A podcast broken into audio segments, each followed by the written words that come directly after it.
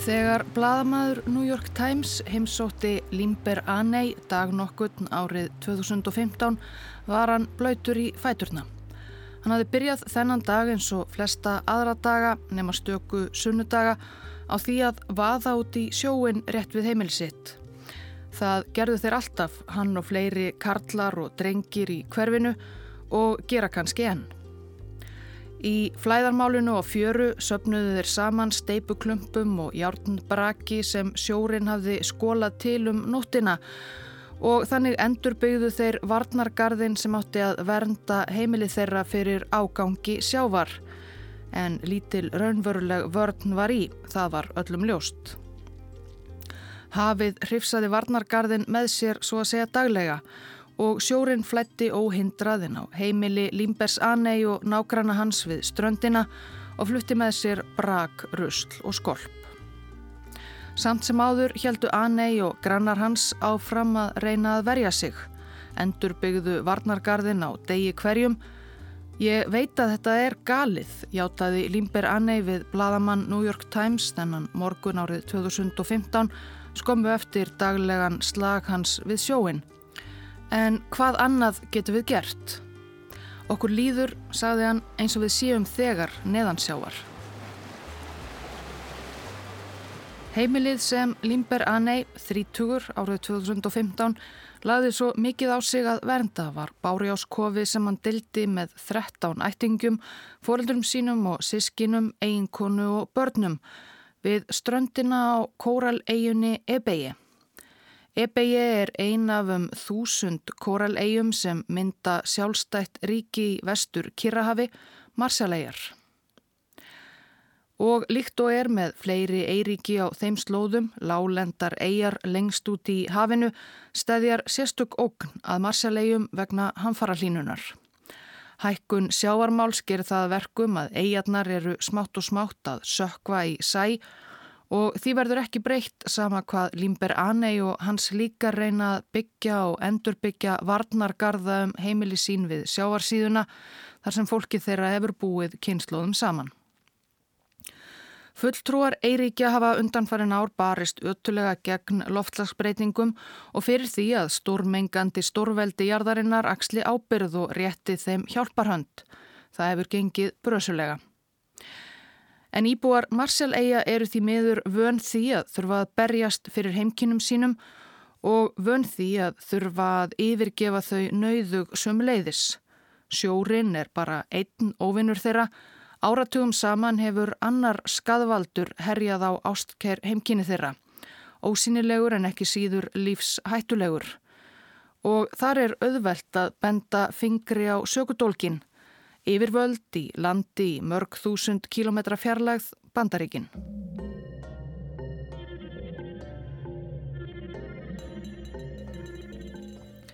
Marsjalegar eru ekki fyrirferðamiklar á heimskortinu, þyrping af litlum punktum í Kirrahafi rétt norður af miðbögg.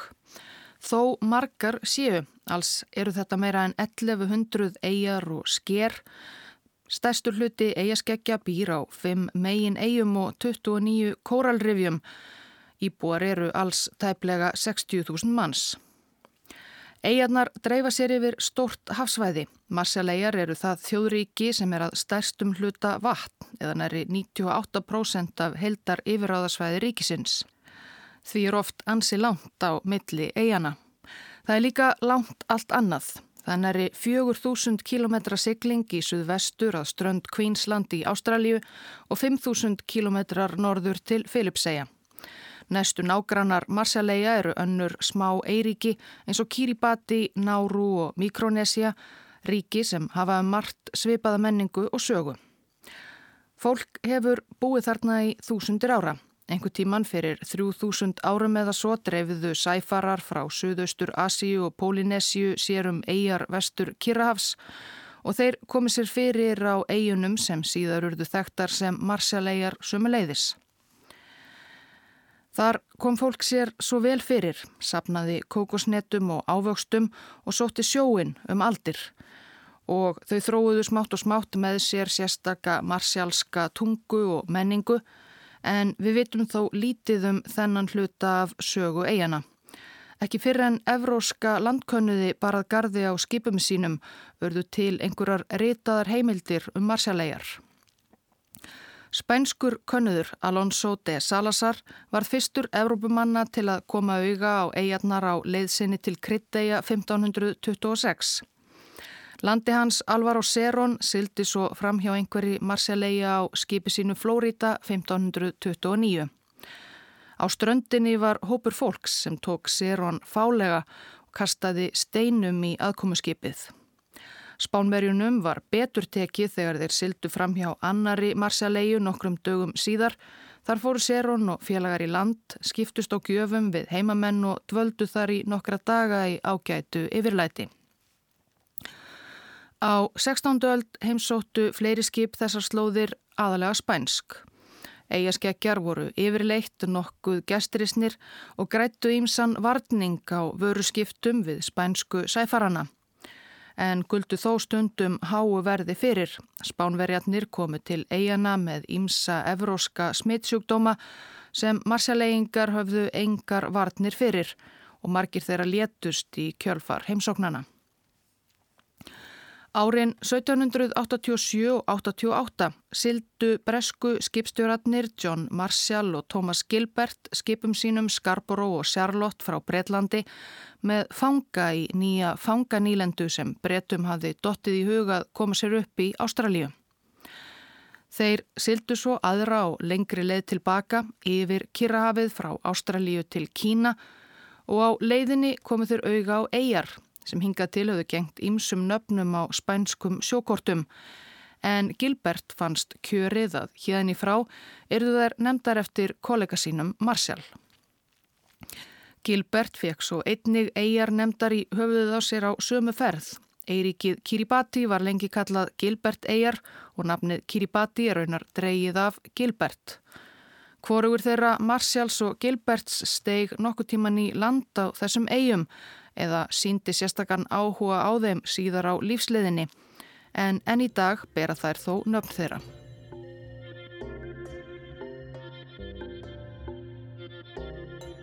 Á 19. öld voru það aðalega evrósk og bandarísk kvalveðiskip sem komi við á Marsjalegjum til að sækja sér vassbyrðir.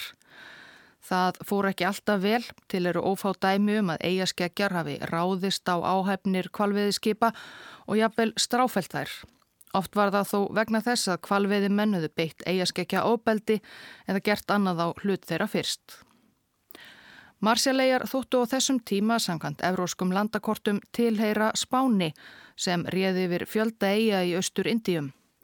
En Spánverjar skiptu sér lítið af þeim og hafðu ekkert við það aðtuga þegar á ofanverðri 19. öld þjóðverjar fóru að verða ættíðari gestir á Marsjalegjum og fóru jafnvel að setjast þar að.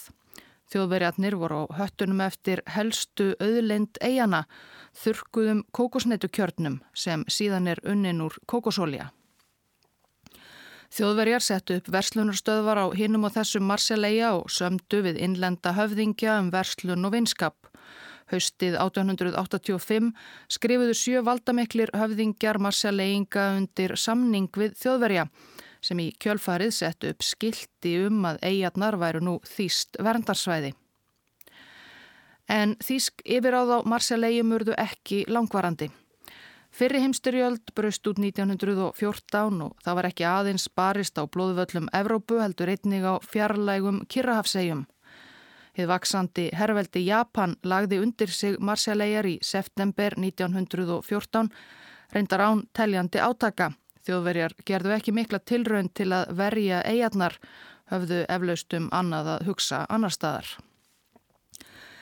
Í stríðslokk urðu þjóðverjar svo að afsala sér öllum nýlendum sínum í Kirrahafi og Japan tók þá formlega við Marsjalegjum og öðrum áður þýskum Kirrahafsegjum. Japanir höfðu engan sérstakann áhuga á ábata af þurkuðum kokosnetukjörnum heldur frekar uppbyggingu herstöðvað þarna mitt í Kirrahafi og þegar setni heimstyrjöld skall svo á urðu marsjalegjar að alvöru vígvelli. Great events in the Pacific race into history. A vast armada of troop ships guarded by the largest naval striking force ever assembled sails to the attack. Destination, the Marshall Islands. Í byrjun árs 1944 í setna stríði réðust bandaríkjamenn á Japana á Marseillejum með gífurlegu afli. Bandaríkjamenn höfðu þá lært ímislegt af blóðugum bardugum við japanska keisaraherin á öðrum smáegjum og í þetta sinn höfðu Japanir ekki róð við þeim. And in 20 hours the Navy's big guns rip apart everything the Army bombers missed. It's a grim show. Eftir 24 daga bardaga lágu um 11.000 Japanir í valnum á móti aðeins rúmlega 600 bandariskum hermönum. Og eigarnar skiptu enn einu sinni um eigendur. Í stríðslokk fjallust saminuði þjóðurnar á að eigarnar yrðu enn í umsjá bandaríkjana eins og fleiri eigar á Kirrahafi sem hrifsaðar höfðu verið úr japanskum greipum. En hvað áttu bandaríkjumenn svo að gera við nokkrar fámennar eigjar lengst úti í Kirrahafi mörg þúsund kílometra frá bandarískum ströndum? Ráðamenn í Washington voru reyndar þegar komnir með hugmyndum hvernig þetta afskekta nýja yfirráðasvæði þeirra geti komið að nótum í vopnaskaki kaldastriðsins sem var í þann mund að hefjast. Og þá voru ekki kokosnetu kjarnar sem bandaríkjumenn sóttust eftir heldur. Öllu heldur var það einmitt afskjagt lega eigana langt út í hafi sem gerði þær ákjósanlegar.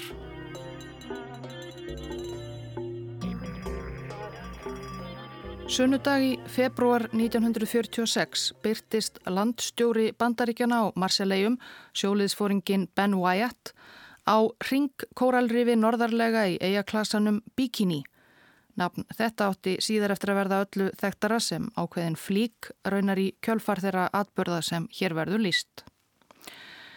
En Væjat sjóliðsfóringi ávarpaði alla íbúa bíkinni 167 talsins þarna árið 1946 að lokinni sunnudagsguðsjónustu. Hann spurði fólkið með hjálp tólks hvort þau væru ekki til í að yfirgefa rifið sitt um stundarsakir. Bandaríkjaman ætluðu sér að gera þar tilraun sem yrði, eins og vægjart orðaðiða, mannkininu öllu til heilla og myndi binda enda á allar heimstyrjaldir. Leðtói byggjini búa eða konungur þeirra hétt Júta. Hann réði ráðum sínum með fólkinu sínu í nokkara stund, tilkynnti svo að þau væru til í að fara. Um stundarsakir, fyrst þetta væri mannkini öllu til heilla. Bikini búar hafðu verið feignir að sjá að baki Japunum í stríðslokk og vildu gerðnan gleðja sína nýju bandarísku herra. Allt væri þetta annars í Guðs höndum, saði Júta konungur Bikini og þegnar hans fóru að hafa sig til brottfarar.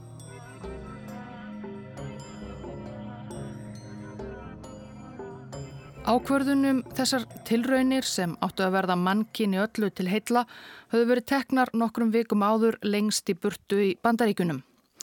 Bandaríkin höfðu sprengt tvær kjarnorkusprengjur yfir japansku borgunum Hiroshima og Nagasaki í ágúst 1945. Bandaríkin höfðu rækilega sínt mátt sinn og Japanir gáfust upp í stríðinu örfám dögum eftir setni sprengjuna.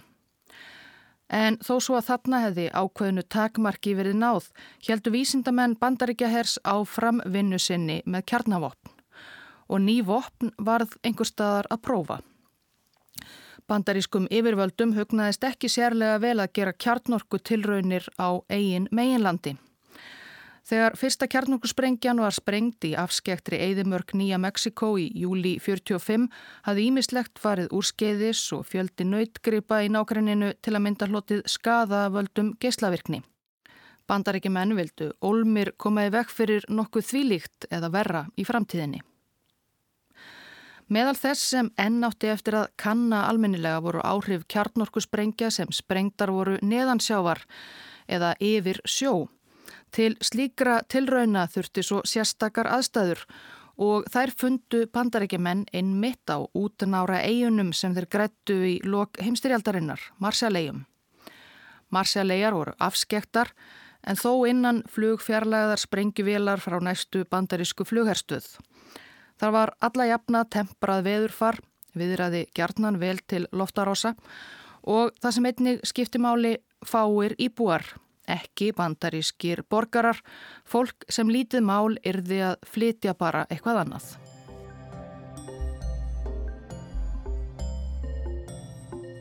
Í aðdraganda fyrstu tilrauna sprenginga bandaríkjamanna streymdu herskip til Marsjallega með ímsam búnað, fjölda, her og vísindamanna og skeppnur.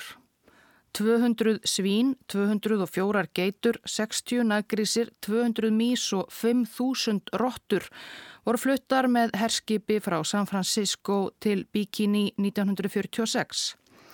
Tilraunadýr í orðsins fylstu merkingu. Þessar ákveðinu dýrategundir verður fyrir valinu þökksé, já dýrin hafa liklega ekki verið mjög þakklátt reyndar, ákveðinum mannlegum einlegum þeirra Geitur því líkamsþyngd þeirra er svipuð mannesku meðal annars. Svín því snögghærð húð þeirra líkist mannshúð svona á einhvern hátt.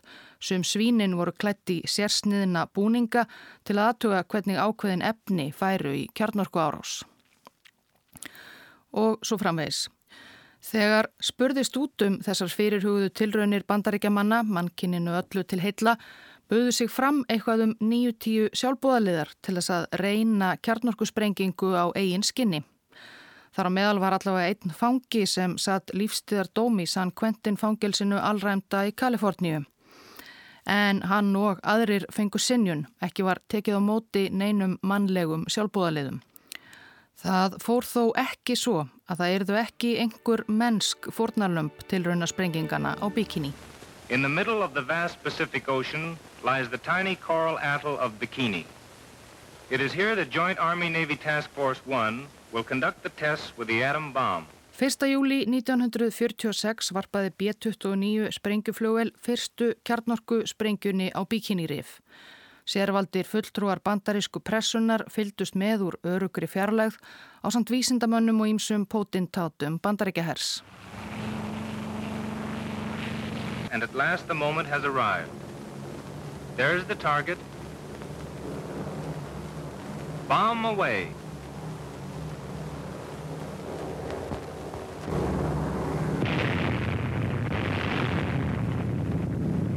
Síðar í júli var annari sprengju komið fyrir neðansjávar í lóninu í bikini rifi miðju. Á lóninu voru mannlaus herskip sem skoða átti hvernig myndu fara út úr sprengingunni. Five four, three, two, one, fire.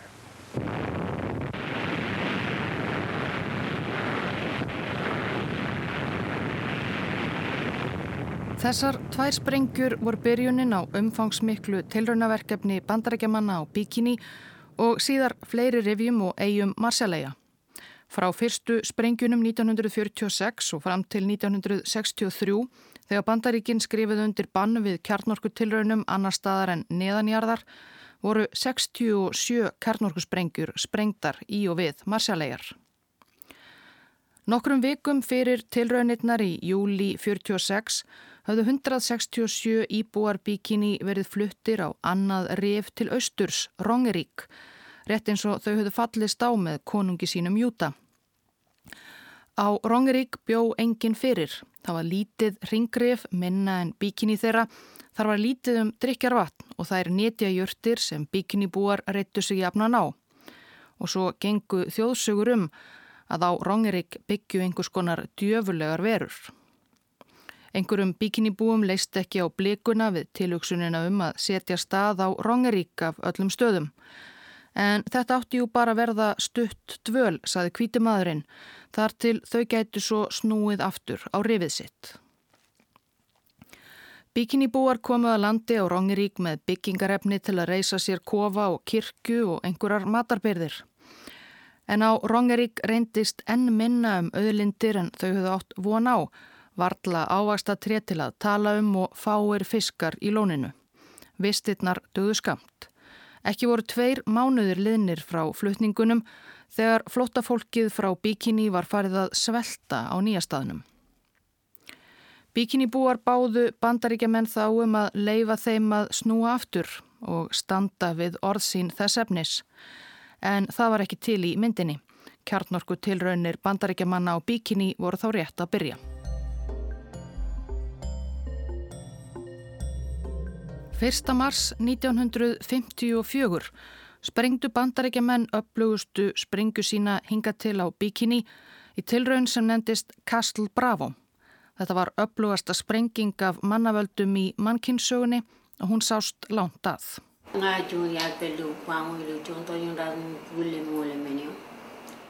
Nerje Jósef var sjóra árið 1954 og bjóð með fjölskyldu sinni á Marcial eigunni Rongelap um 160 km austur af Bikini.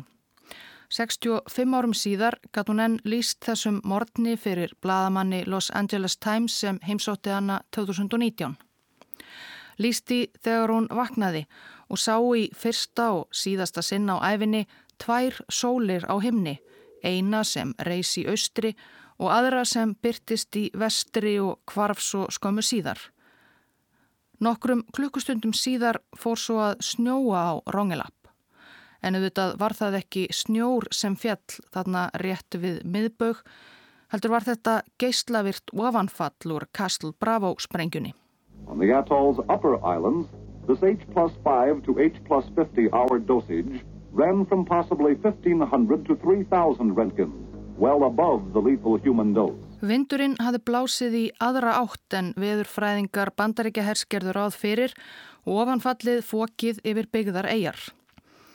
Veðurfræðingarnir höfðuraunar tekið eftir því áður en Castle Bravo sprengjan var sprengt að vindurinn blés ekki alveg eins og reiknað hafi verið með.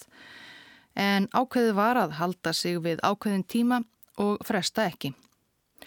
Sprengjan sjálf reyndist svo líka talsvert upplugri en vísindamenn höfðu ætlað sér. Svo stór hættulegur snjórin helt áfram að falla á Rongelapp tímunum saman. Hann brendi húð fólks og um Rongelapp fór fólk fljótt að veikjast, seldi upp og misti hárið í flyksum.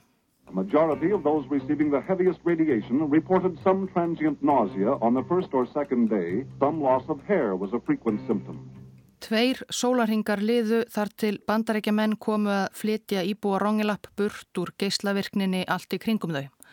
Þá voru fjölmarkir eigaskeggjar þegar orðnir alvarlega veikir. All of those exposed were taken to Kwajalein where complete physical examinations were carried out. We had to watch the radiation doses received. Þremur árum síðar fengu íbúa Rongilapp svo að snúa aftur heim.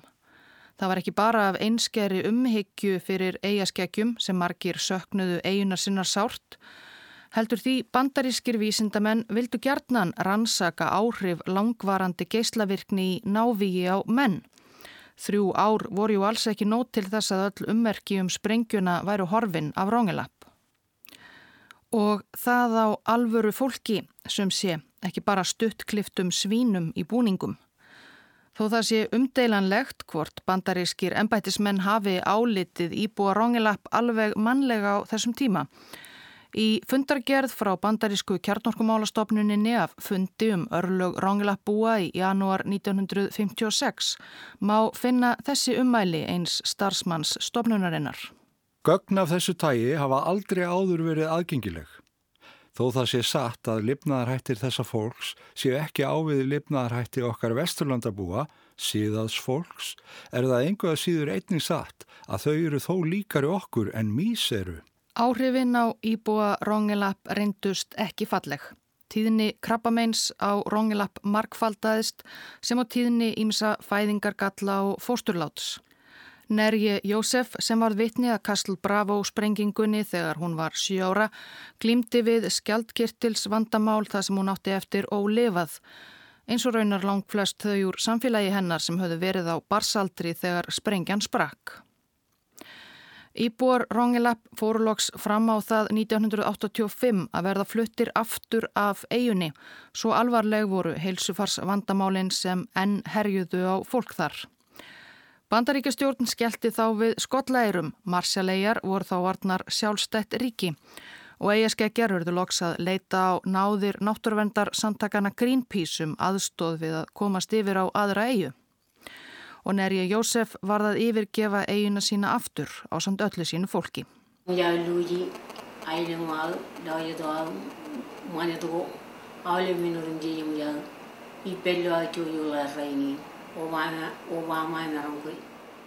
Ég misti eiguna mína hafið mitt, menninguna mína. Ég misti allt mitt. Ég er eins og kókosneta á stefnulösu floti í sjónum. Rongelap var ekki eina eigan þar sem snjóaði eftir Bravo sprengjuna 1954 ofanfallið dreifðist víðar og þar sem fólk glýmir við Ímis vandamálsökum geislavirkni en þann dag í dag. Það snjóaði líka á japanst skip Hefnadregan 5 sem var á túnfiskveiðum í marsjaleisku hafsvæði þennan dag 1. mars 1954 með 23 manna áhöfn. Sjóararnir á dreganum settu vélarnar í botn og reyndu að forða sér þegar ljós grátt öskukent efnið fór að rigna yfir þá og þekja þilfarið. Þeir voru langt að heiman og fóru að veikjast strax á siglingunni heim.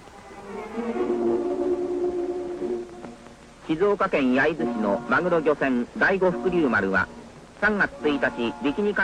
Hefni dregin kom loks til hafnar í Shizuoka í Japan 14. mars og öll áhöfnin umsvefalaust lögðin á spítala. Þeir voru flestir fárveikir.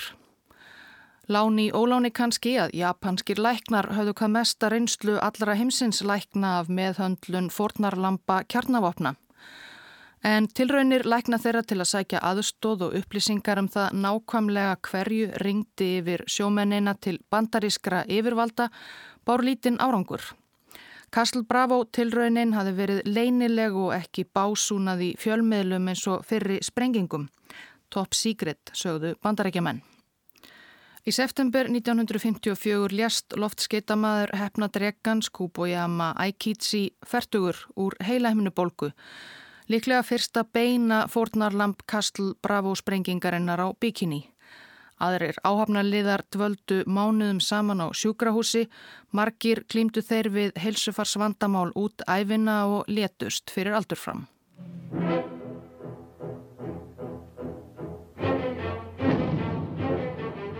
Örlög fiskimannana á hefna dreganum urðu enn til að magna andstöðu stórsluta japansks almennings við kjarnavopn. Þau urðu líka mörgum listamönnum yrkisefni. Síðar sama ári, november 54, var frumsýnd í Japan kvikmynd sem hefst á því að hrikalegt skrimsli ræðist á japanskan fiskibát og beinir síðan ægilegum klómsínum og skoltum að japanskum borgum. Godzilla, king of the monsters, alive, surging up from the depths of the sea on a tidal wave of terror to wreak vengeance on mankind. Godzilla, king of the monsters, it's alive! A gigantic beast, stalking the earth, crushing all before it. In a cyclonic cavalcade of electrifying horror. Öllum japanskum bíóáhörvendum voru fréttinnar um hefnadregan við Marseillegar í fersku minni og þeir vissu því vel hvað ófreskunni óurlegu gott sillu væri ætlað að tákna, eigðileggingarmátt kjarnavopna.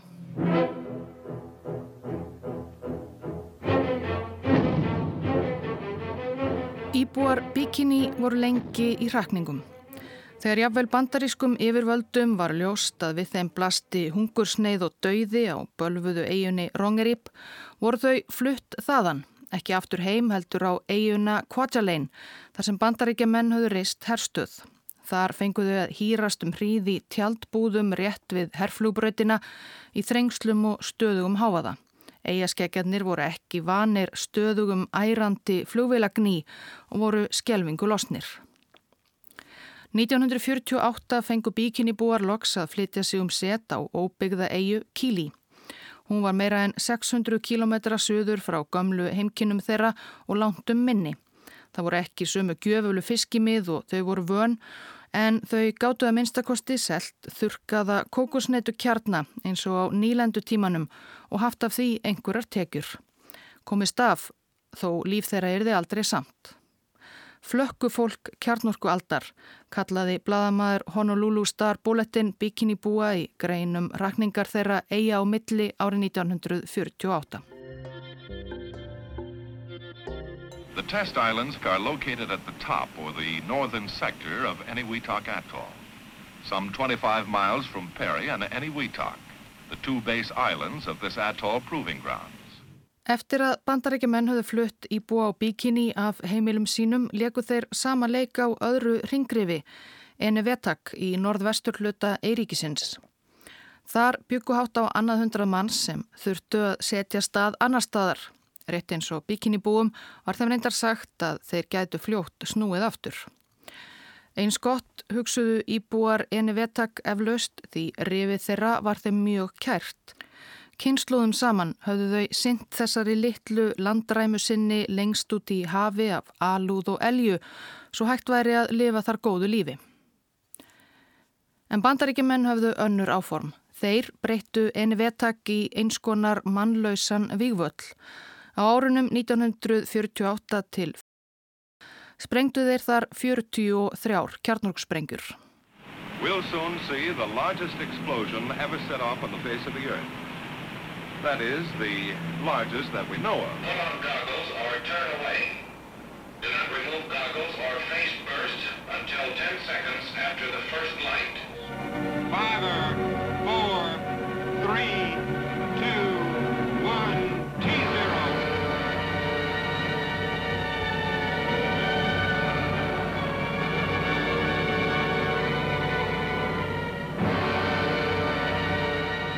Þessi dramatíska tónlist fyldi myndum af einni fyrstu Enivetak sprengingunni 1948 í fréttamind bandaríska hersins. Síðar þegar búið var að sprengja rifið sundur og saman fór bandaríki herr einnig að nota Enivetak sem tilraunasvæði fyrir annars konar vopn, almennar sprengjur og flugskeiti og síklavopn spreyjuðu stafilokokkum og fleiri veirum yfir stóran hluta eigarinnar. Á meðan byggu eni vettak búar á annari eigu Újelang. Rétt eins og hafi verið með bíkinni búa voru aðstæður í nýjum heimkinnum ekki eins góðar, matur og vatn af skortnum skamti. Það var ástæða fyrir því hvers vegna þessar eigur og þessi rif höfðu áður verið á byggð. Árið 1972 buðu bandaríkja menn fram á mönnum úr samfélagi flóttafólks frá Enevetak aftur á eiguna sína í skoðunaferð. Sangat skýrslu orkumálaráðuneytis bandaríkjana fyltust mennirnir hryllingi yfir því sem fyrir augu bar. Þar sem eitt sinn höfðu verið blómlegir pálmaskóar var aðeins vindblásinn, sandauðn og sundur sprengtar rústir hernaðamannvirkja. En bandaríkin hafðu þá lofað þeim að skila þeim loks eiginni sinni. Ráðist var í mikið hreinsunar átak, geyslavirkum jarðvegi var ítt burt og skipsflög og brak úr sprengtum hernaðar mannvirkjum fjarlægð. This will be a considerable effort. Some examples of structural debris to be removed are abandoned equipment and structures along the shoreline as well as on the island. Eni vettak búar fengu að snúa aftur í april 1980. Þó einungis á lítinn hluta rifsins sem dæmdur var byggilegur, önnur svæði þá enn metin of hættuleg og geyslavirk til búsetu. Margir eini vettak búar sem ætluðu sér að snúa heim loksins eftir þrjá áratugi urðu fyrir vonbriðum og snýru fljótlega aftur á nýju eiguna újelang. Eini vettak þeirra er þið aldrei samt.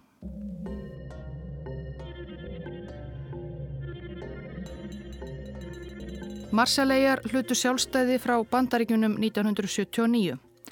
Reyndar ekki alveg fullkomið sjálfstæði. Eigarnar eru enni því sem kallað er frjálsu sambandi eða free association við bandaríkin sem þýðir að bandaríkja her sér um varnir eiríkisins, er jú allum nútum kunnugur á eigunum og marsjallegingar geta sest að í bandaríkunum án þess að þurfa til þess sérstatt landvistarleifi.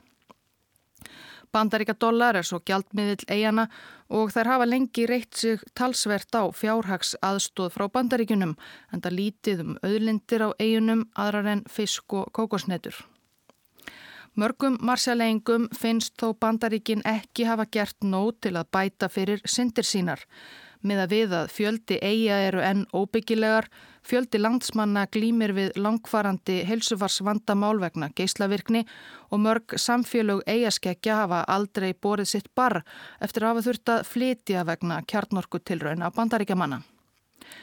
Við bætist svo ógnin sem eigaskeggjum stafar af hamfara hlínun og hækkandi sjávarstöðu sem sama hvað okkur kann að finnast um ábyrði þýmáli er allavega tæplega marsjaleingum að kenna.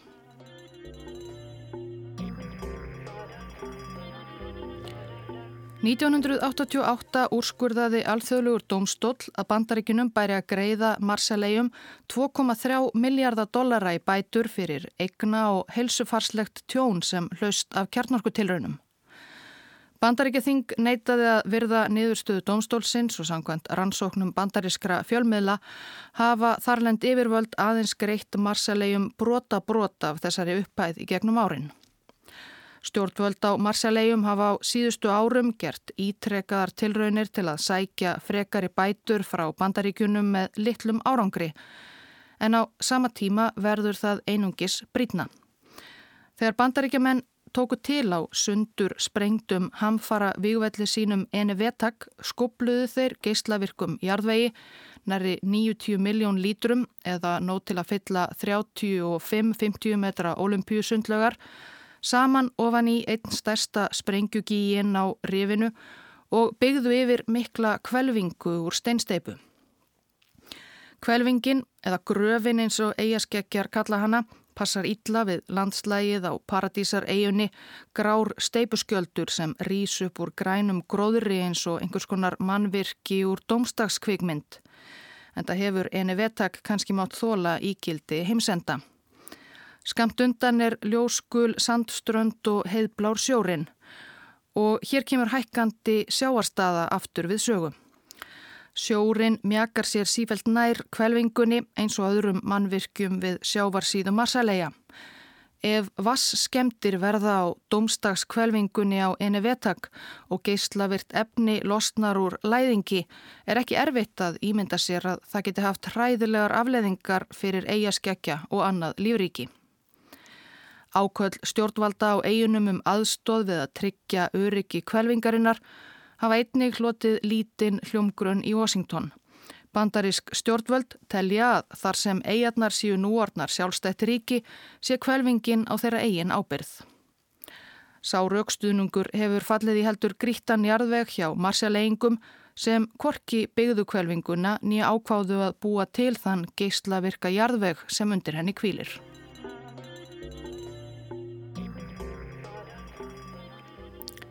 Hvort Limber Anei íbúi á Marshall-eiginni Ebegi veður enn út í sjó á hverju morgni að endur byggja sjáarvarnargarðin fyrir framann heimili sitt eins og hann gerði árið 2015 í þessum töluðum orðum veit ég ekki.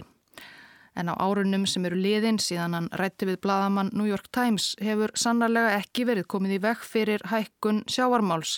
Svo líklega stendur Anei enni þessu basli á degi hverjum ef hann hefur ekki fært sig eitthvað herra upp á land. Á mörgum lálendum eigum Kirrahafs er fólk þegar byrjað að flytja sig um set og flýja sjóin.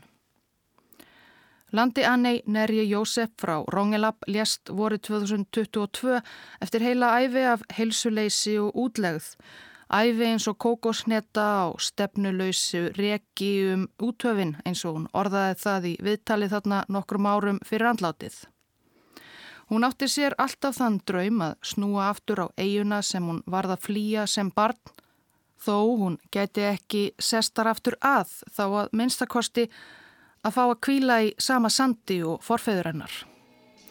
Hún fekk þá hinstu ósk sína ekki uppfylta.